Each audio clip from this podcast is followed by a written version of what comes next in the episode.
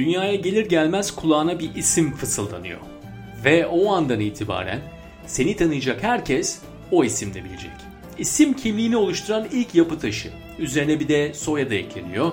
Sen bu ailedensin, bu ülkeden ve şehirden hatta mahalleden e bazense bu ırktan ve bu dinden liste gitgide uzar.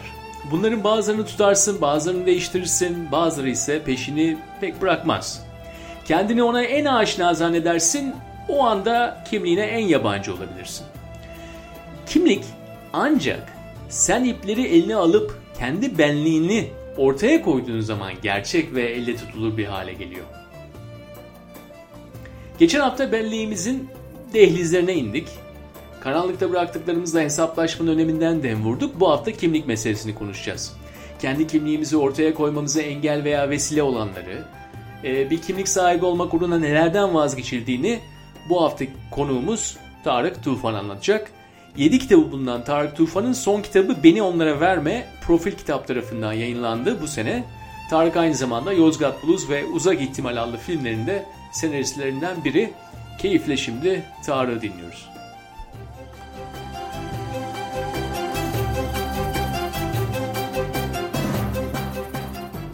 İstanbul'un çok eski semtlerinden bir tanesinde doğup büyüdüm ben. Bizim Haydar semti. E, Unkapanı ile Balat arasında. Biraz arkada kalan bir semt Haydar. E, aslında İstanbul'un çok merkezi sayılabilir yani. İstanbul'un göbeğinde her yere çok yakın bir yer ama bir taraftan da her yere çok uzakta bir yer. Çünkü çok içine kapalı bir semt. E, bir parça sert bir mekan, sert ortam işte insanların epeyce başlarının belaya girdiği ya da problem çözme biçimlerinin bir parça öfkeyle bir parça gururla halledilmeye çalıştığı, bir yandan kendi içinde çok güçlü dayanışmaların, e, iyi komşuluk ilişkilerinin, birbirlerine merhametli insanların yaşadığı yer. Ama bir taraftan da çok öfkeli, e, dışarıdan gelenlere karşı tahammülü az, e, meselelerin çözümünde şiddet kullanmaktan da çekinmeyen, kendi adaletini kurmak isteyen bir semt ama kendi adaletini kurma çabası doğal olarak şiddet üreten bir şeydir. Haklılık payını çok duygusal, coşkulu hallerle ortaya koyan bir şeydir ve e, bu, bu tarz adalet arayışının her ne kadar göze kulağa hoş gelen tarafları olsa da bir tarafıyla da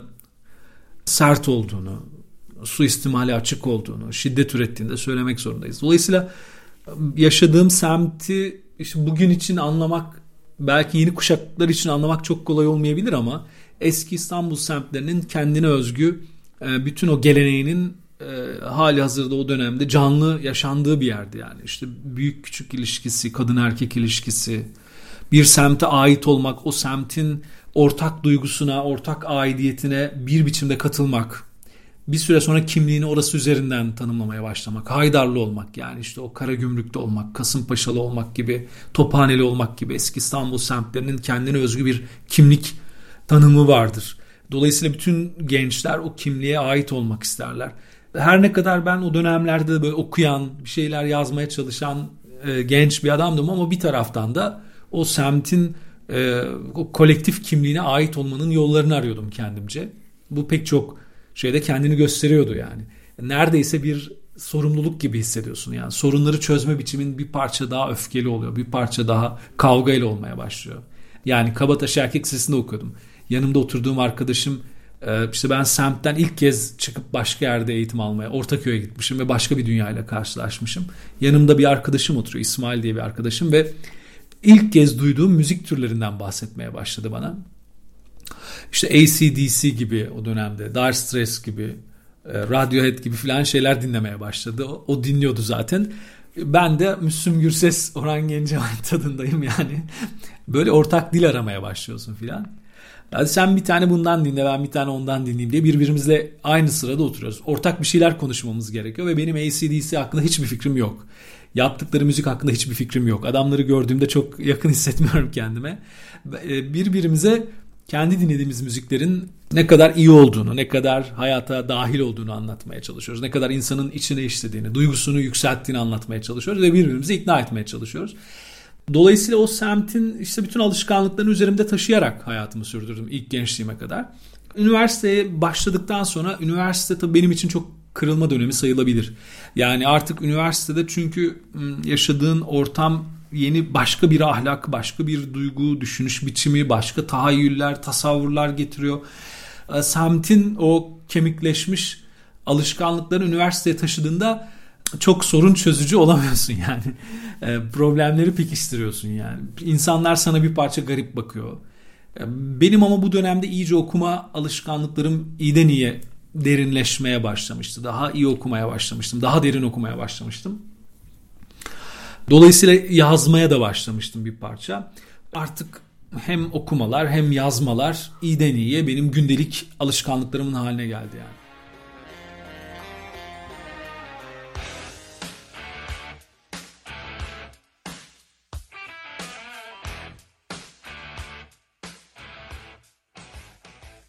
Okulun dışında çalışmaya devam ediyordum. Yani işte bir takım konfeksiyon atölyelerinde çalışıyordum. Ee, bir ayakkabıcılarda çalıştım. Babamın yanında pazarlara, tezgahlara çıkıyordum. Ee, dolayısıyla bir taraftan okul hayatım devam ederken bir taraftan da iş hayatım devam ediyordu. Birçok insanla karşılaşıyordum. Çok yoğun, yorucu, bir çocuk için yorucu bir hayat yani. Ee, dolayısıyla aslında edebiyat benim için o anlamda bir keşiftir yani. Bu bütün bir çocuk için fazlaca yoğun, fazlaca yorgun, fazlaca yıpratıcı, çocuğun aklını kalbini yoran bir hayatın içerisinde e, birden e, bir, bir şey keşfettim ve başka dünyaya çıkabileceğim. O bütün benim e, o karmaşadan beni alıp daha sükunetli, daha cesaretli, daha kendimce olabileceğim, daha hayal kurabileceğim, daha güçlü olabileceğim bir yere ça- çağırdı beni edebiyat. E, bu da aslında çok sık sık anlattım ben farklı yerlerde ama bir kez daha anlatmış olayım. Bir tesadüfle olan bir şey.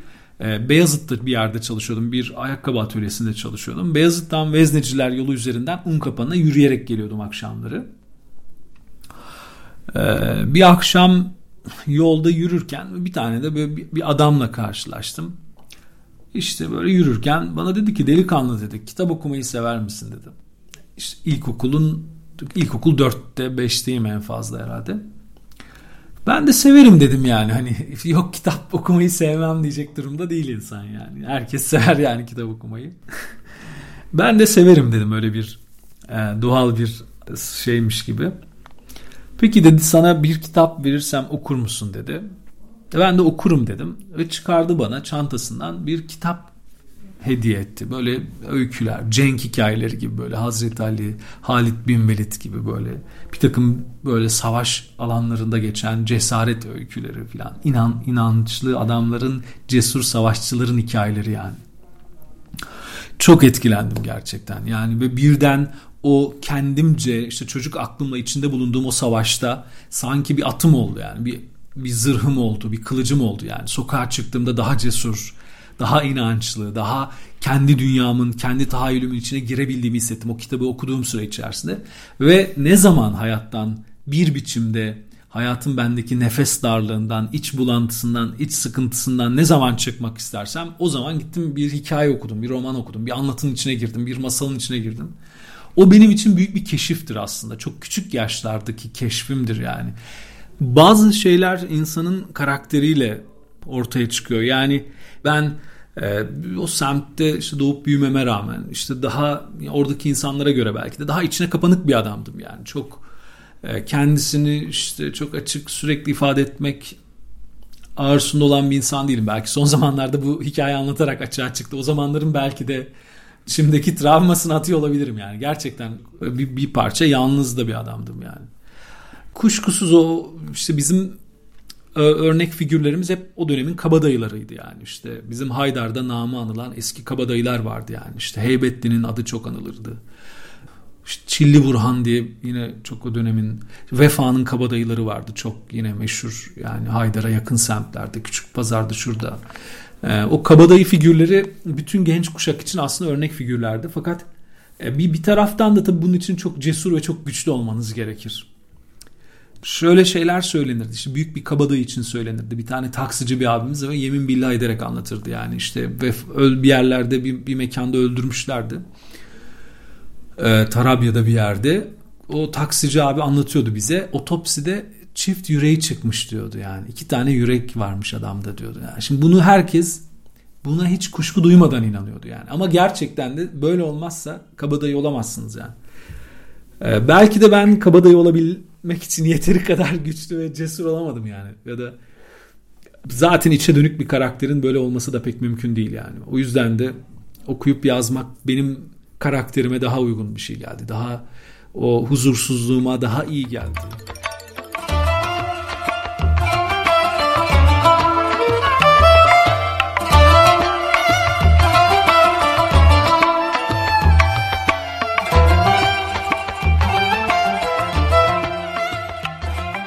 Dolaşmaktan e, keyif aldığım, mutlu olduğum alanlar var tabii ki ama yani bu orada huzurlu, mutlu olduğumdan değil. Bilakis beni huzursuz ettiği için de o alanlarda daha çok yazmaya çalışıyorum. E, çünkü beni yazmaya iten motivasyon bir huzur arayışı, bir konfor arayışı değil yani. Ben yazdıkça daha konforlu bir zihin konforuna, e, bir ruh konforuna eriş, erişmiyorum. Öyle bir şey yok. Benim yazıyla kurduğum ilişki de böyle değil. Bilakis içimdeki o işte kavgayı arttıran, huzursuzluğu arttıran da bir şey. O geçmeyen de bir şey. Evet bazen e, o yazdığım vakit o içimde bir şey dindirebilir, bir sızıyı dindirebilir, bir yaraya merhem olabilir gibi e, beyhude niyetlerim ortaya çıksa da en nihayetinde benim dolaşmayı sevdiğim yerlerde böyle bir huzur yok. İşte özellikle kadın karakterleri aslında işte er, asıl kahramanın bir açığını kapatan neredeyse e, böyle araçsallaştırarak anlatıyorsun diye bir takım eleştiriler gelmişti. Yozgat Blues'da da öyle olmuştu. Uzak ihtimalde de öyle olmuştu. Yazdığım başka romanlarda da hikayelerde de olmuştu filan. Beni onlara vermedi. Bu bir parça daha gelişti. Ya yani ben çok o anlamda erkek egemen bir dilin kullanıldığı bir semtte büyüdüm. Yani dolayısıyla çok e, erkek bir dil kullanıyorum. Eril bir dil kullanıyorum. Onun farkındayım. Bunu yeteri kadar ifade edemediğimi şimdi fark ediyorum artık. Yani bu, bu, bu artık son kitaptan sonra bu eleştiriler e, benim için a, kaçamayacağım bir düzeye geldi. Yani ka, kadın karakterler işte güzel bir kadın var e, fakat kahraman hep erkek yani. Çok bu kadar erkek dünyasından yazmak çok doğru bir şey değil. Hakikati de e, bu değil aslına bakarsan. Yine de böyle erkek gözüyle erkek diliyle yazmayı da galiba seviyorum yani. Hemen o tarafa gidiyor çünkü ağzım yani. Alışkanlıklardan sıyrılmak çok o kadar mümkün değil yani. Ee, kendi içinde böyle neredeyse şizofrenik derecede farklılıkları taşıyan karakterleri seviyorum mesela. O karakterlerin dünyasını anlatmayı seviyorum. Yani işte bir taraftan akşam ezanını duyduğunda bir taraftan oturduğu ortamdaki kadının yanından ayrılamayan, ikisinin de suçluluğunu aynı anda yaşayan, ikisinde de iki seste de kadının sesiyle ezanın sesi arasındaki o e, delice çatışmadan ölecek kadar pişmanlık duyan, suçluluk duyan adamın o yaşadığı çatışmayı seviyorum. Ee, huzursuz karakterlerin sürekli kendisini sorgulaması, içinde bulunduğu hiçbir ortamdan tatmin duygusuna erişememesi, e, şehrin içerisinde, kentin içerisinde modernliğin dayattığı bir takım ahlak, görgü, tüketim biçimleri, iş ilişkileri vesaire içinde kalıp e, bunlarla kavga etme biçimlerini mesela seviyorum. Buraları anlatmayı seviyorum. Kent hikayelerini seviyorum dolayısıyla. Bireyin yalnızlaşması meselesini, gitgide kendisine yabancılaşması meselesini, e, bireyin bir takım mikro iktidarlarla karşılaştığında gösterdiği tutumlar, çatışmalar mesela bunları anlatmak e, hoşuma gidiyor. Küçük alanlar, küçük hikayeler yani çok sıklıkla ifade edilen bir şey. Yani bura, buralar buraları anlatmayı, insanın bu, bu karanlık tarafını anlatmayı seviyorum yani. Düşüş kısmını seviyorum yani insanın. İste, istemli düşüşler benim mesela çok anlatmayı sevdiğim hikayelerdir. Ya yani orada bir gelecek yok, orada bir çıkar yok, orada bir kazanım yok, orada bir başarı yok.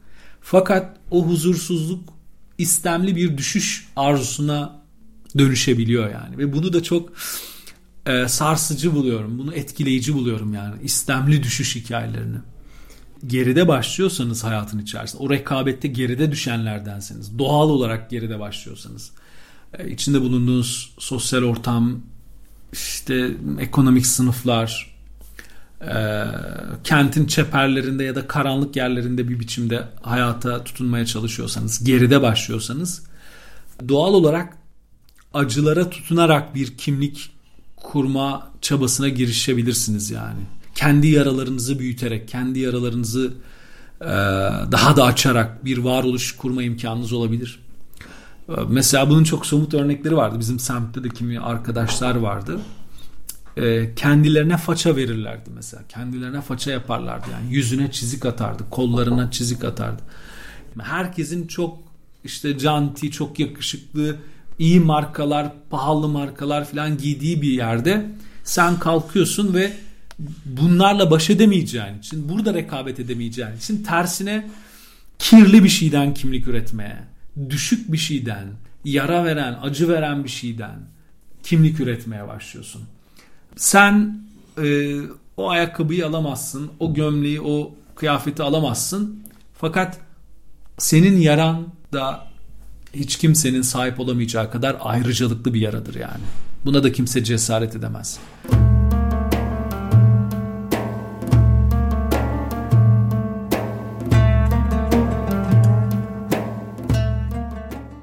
İşte adam kalkar binlerce kilometre öteden bir başka coğrafyaya gelir ve orada bir iktidar kurma çabası içinde olur.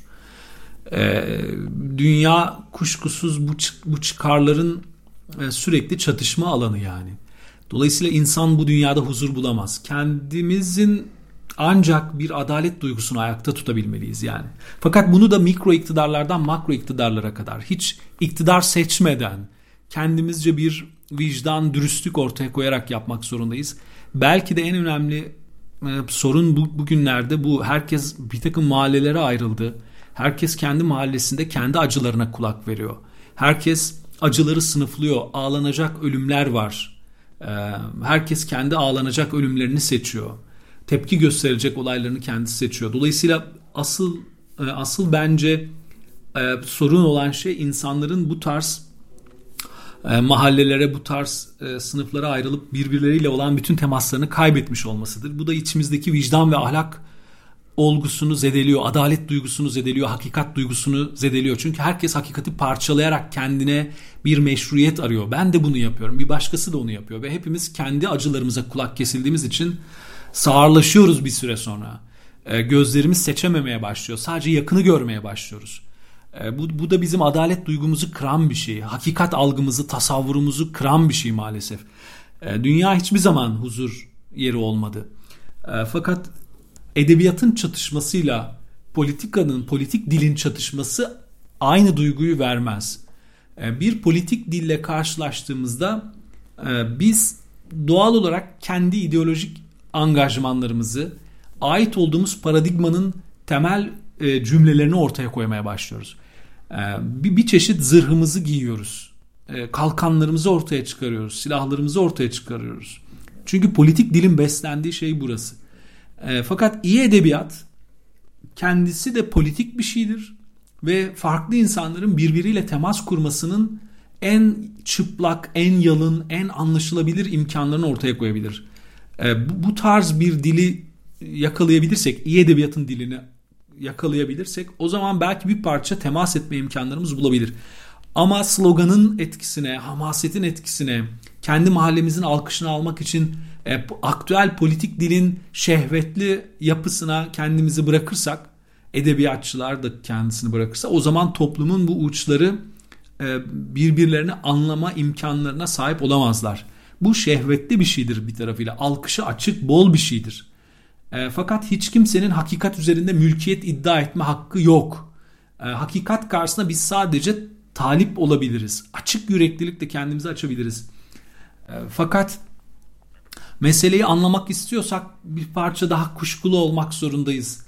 Bir parça daha anlamak zorundayız.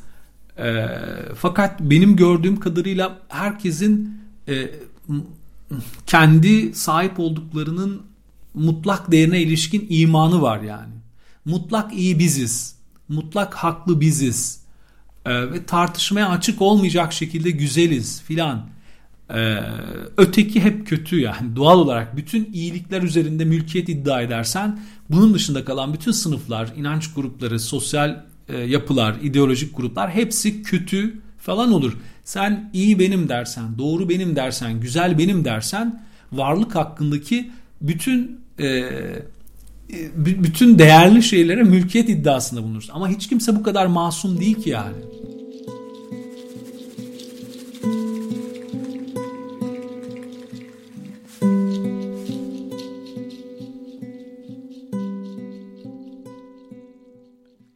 Kendi mahallende hem sana atfedilen hem de senin kurguladığın bir adam var. Ee, bu bir rahatlık, bu bir güven. Şimdi başka bir mahalleye gitsen tekrardan başlayacaksın. İyisiyle kötüsüyle seni içine almış bir yapıdan vazgeçeceksin. İster mahallenin delisi ol veya paşası ol. Seni sen yapmış bir yeri terk etmek öyle kolay değil. Yani bu mikro evrenler insana bir görev biçerek onları rahatlatıyorlar. Yoksa yaşamın her saniyesi uçsuz bucaksız bir evrende bir toz zerresi olduğunun farkındalığıyla geçse o zaman bir hiç olursun. O da fena değil aslında. Yani hiç olmak nihai yolculuk da oraya zaten ama o iş uzun. Şimdi diyelim dünyaya baktığın pencereyi tamamen ama tamamen sen imal etmişsin. Camıyla, pervazıyla, menteşesiyle, çivisiyle, sıvasıyla, mandalıyla filan hepsini. Hiç kimseden ama hiç kimseden etkilenmeden tüm dünya görüşünü santim santim inşa etmişsin. E güzel olur, iyi olur, özgün bir çalışma olur. Olur olmasına da e o zaman benimle veya onunla pek alakan kalmayabilir. Biz diyemezsin mesela hiçbir zaman. Arkamı kollayamazsın, cenazeme helva yollayamazsın veya hadi biraz daha güncelleyelim.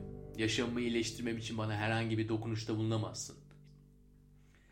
Diğer tarafta etrafta büyüdüğü mahallenin anlayışını e, modern dünyaya yansıtmayı hiç beceremeyen, düşünce pratiğinin tamamen kendi küçük dünyasında yarım yamalak anladığı, doğru ve yanlış davranış kalıplarının ötesine taşıyamayan milyonlarca insan var. Fakat şimdiki zaman esneklik gerektiriyor. Takımdan takıma transfer oluyorsun. Formanın rengi değişiyor. Oynama stilini adapte ediyorsun. Hatta başka pozisyonda oynuyorsun. Onun için o siyah beyaz ekranla günümüzün şifrelerini çözmeye çalışanlar çömez kalıyorlar. İşte onlar bile bile lades diyenler. En çok sevdiklerimiz ise arada kalanlar. İşte bu arada kalanlar temelleri mahallenin güçlü toprağında atılmışken zaten yanında benlerini getirenler ve onu geliştirenler. Anı yaşarken hazzı illa da mahallenin kodlarına kurban etmeyenler. Ahlaka, örfe, adete kendini ezdirmeyenler. İşte o insanlar sayesinde ezanla kadın sesi arasında tezat kalmıyor. Tek oluyorlar. Bir oluyorlar. Zamanla da hiç oluyorlar. Gece kapta Perşembe yine buradayız. Yeni bir podcast ile 11-18 mahallesinde. Kalın sağlıcakla.